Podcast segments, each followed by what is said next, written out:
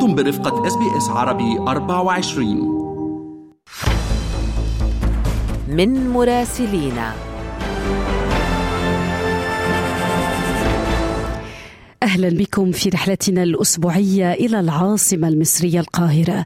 أنا بترا توق الهندي. وأنا فارس حسن ويسعدنا أن ينضم إلينا الآن على الهواء مباشرة مراسلنا هناك محمد الشاذلي. أهلا بك محمد. يبدو في أزمة حادة اليوم أزمة اقتصادية حادة ارتفاع بالأسعار والبعض يتحدث عن دفع مصر إلى حفرة أزمات بلا قاع يعني. وحتى The Washington Post عنونت في إحدى المقالات أنه حتى الوجبات الشعبية باتت صعبة المنال ومنها الكشري.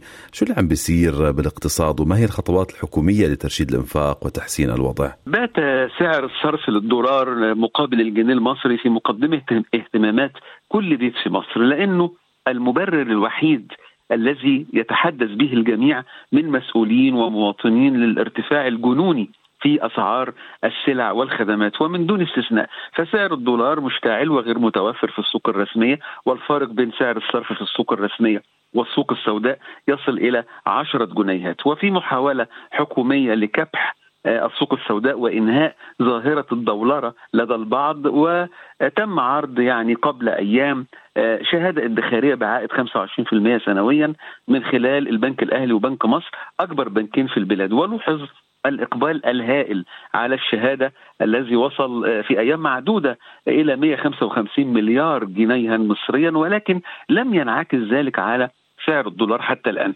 وكشفت أزمة الدولار عن بضائع متراكمة منها ما هو حيوي في مخازن الموانئ المصرية كما كشفت عن ارتفاع أسعار جميع السلع وبنسب غير مسبوقة. من بيض المائدة إلى السيارات وقطع غيرها ومن الزيوت إلى الأرز والذرة والصويا والسكر ومن اللحوم والدواجن إلى الأجبان والأعلاف ومواد البناء كالحديد والأخشاب ومن الذهب إلى الدواء ومن أسعار السلع المعمرة إلى رحلات العمرة التي اشتعلت بعد ارتفاع الدولار والريال السعودي وسائر العملات الأجنبية. وربما يتحمل المصريون حتى الآن بسبب متابعة كثيرين منهم لموجة ارتفاع الأسعار عالميا لكنهم لا ينفكون يلومون الحكومة والتجار معا وتحاول الحكومة مد مظلة المجتمع الأهلي وكذلك إجراءات الجيش والشرطة في مكافحة الغلاء عبر نشر مراكز بيع للسلع في الأحياء كما اتبعت بعض مراكز البيع الكبيرة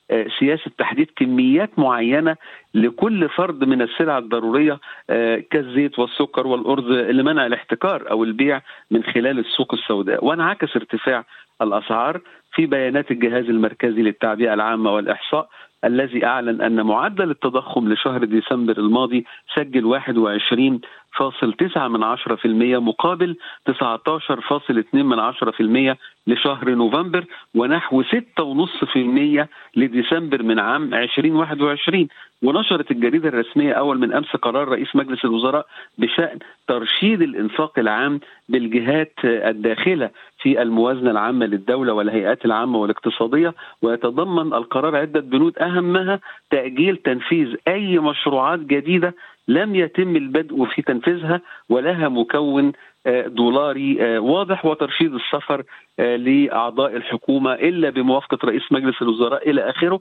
لكن بالفعل حتى اسعار المنتجات الشعبية والأكلات الشعبية بالفعل ارتفع.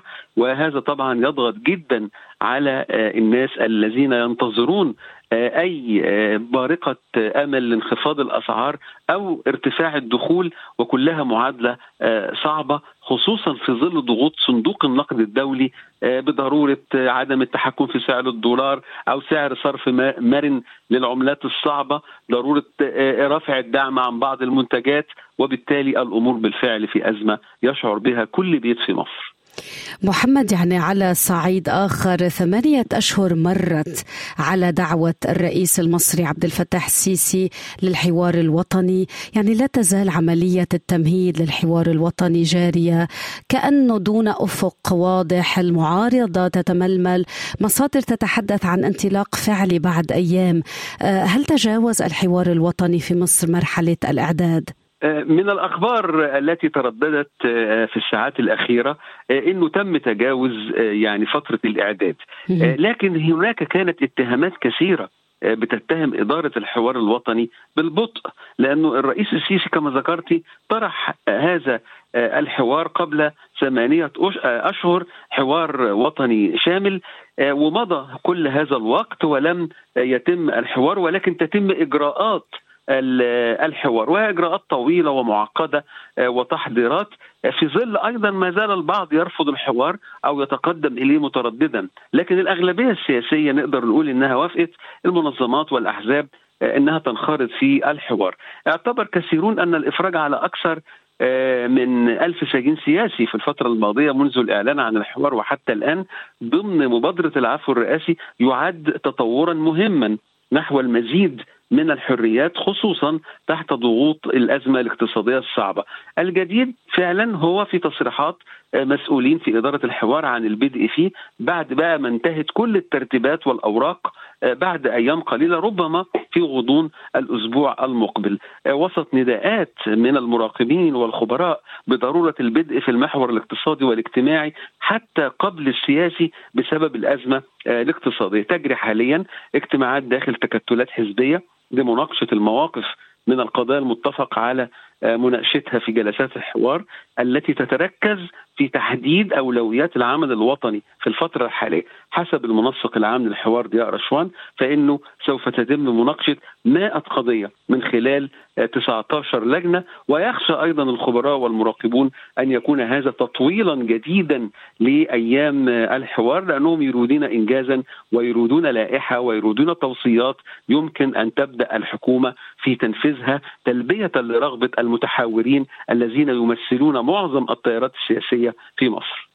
نعم أستاذ محمد أخيرا وبشكل سريع من فضلك كان في حديث على ال social media عن توجه وزارة الزراعة المصرية إلى بيع حديقتي حيوان الجيزة والأورمان آه، رجع صار في نفي رسمي.